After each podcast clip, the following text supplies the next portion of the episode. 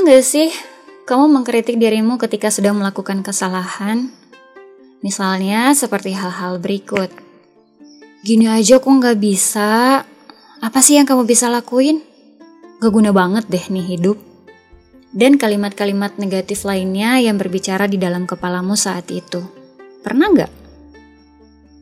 Kata-kata hati yang menghakimi diri sendiri terus-menerus keluar dari dalam dirimu akibat kamu tidak memiliki kemampuan cukup dalam cinta diri atau self-love.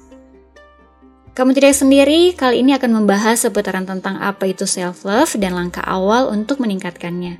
Jadi disimak hingga akhir ya, dan jangan lupa untuk share ke teman maupun kerabatmu. Selamat mendengarkan.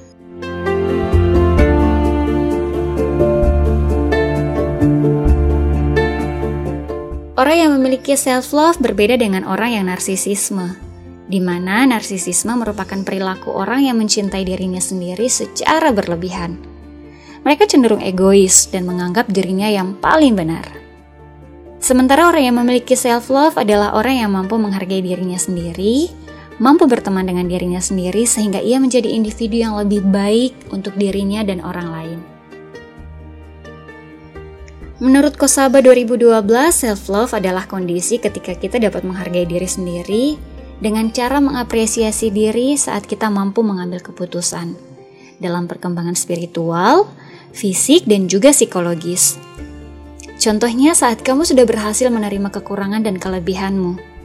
Fokus terhadap tujuan hidup yang kamu miliki, lalu hidup secara puas dengan usaha yang telah kamu lakukan.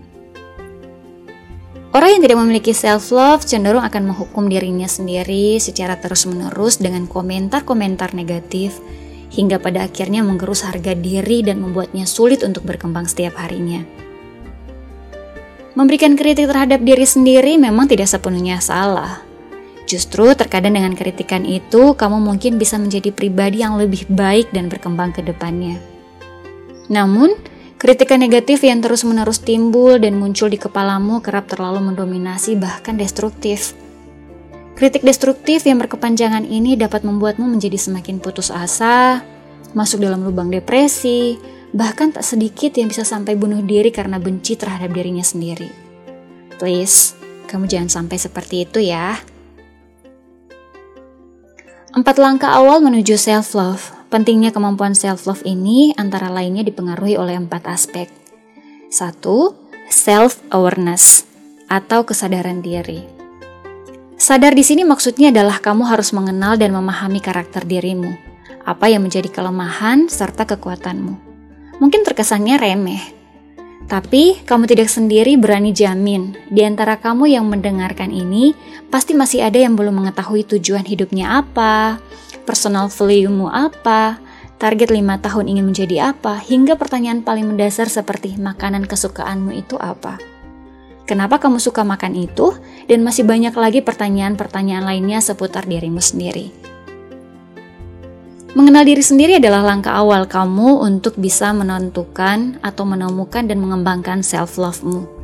Dengan kamu lebih mengenal dirimu, kamu jadi lebih bisa menentukan arah, ke mana kamu mau menuju, Layaknya sebuah kapal, kamu adalah nahkoda di dalam kapalmu sendiri, bukan orang lain yang menentukan arah kapalmu dan tujuan kapalmu, melainkan diri kamu sendiri. Mengenal diri sendiri bukan berarti egois yang tak mau mendengar pendapat orang lain. Tetapi dengan mengenal diri ini, kamu jadi lebih bisa matang dalam mengambil sebuah keputusan. Dengan begitu, kamu bisa lebih mudah dalam menyesuaikan kondisi emosi dan caramu bersikap kepada orang lain. Kalau kamu masih sulit untuk mengenal dirimu sendiri, tenang aja. Ada kamu tidak sendiri. Kamu bisa dengerin episode kali ini. Yang kedua yaitu self-worth atau harga diri. Self-worth adalah suatu prinsip yang dimiliki oleh seseorang ketika ia sudah mengenal dirinya sendiri. Self-worth akan hadir ketika seseorang sudah menyadari bahwa dia tidak perlu mengikuti standar penilaian orang lain karena dia sudah mengetahui apa yang menjadi standar untuk dirinya sendiri. Orang yang memiliki kemampuan ini bisa dipastikan akan memiliki self-love yang tinggi dalam dirinya, karena dengan memiliki self-worth, Sama saja dengan dia sudah menghargai dirinya sendiri, apa pun keputusan yang dia ambil, dia tidak perlu memenuhi kriteria apa pun untuk merasa berharga. Yang ketiga yaitu self-esteem atau kepercayaan diri. Self-esteem berbeda dengan self-worth, tetapi masih memiliki hubungan. Self-esteem sendiri menurut Sandrock 2007 adalah hasil evaluasi kita terhadap diri sendiri. Hal ini termasuk dalam penilaian kita terhadap sesuatu yang kita kuasai dan sesuatu yang kurang kita kuasai. Self-esteem kamu dapat meningkat jika kamu memiliki self-worth di awal yang baik. Berbagai cara bisa kamu lakukan dalam meningkatkan tingkat self-esteemmu, di antaranya adalah berhenti membanding-bandingkan dirimu dengan orang lain. Berbuatlah baik kepada sesama dan dengan cara merawat diri atau self-care.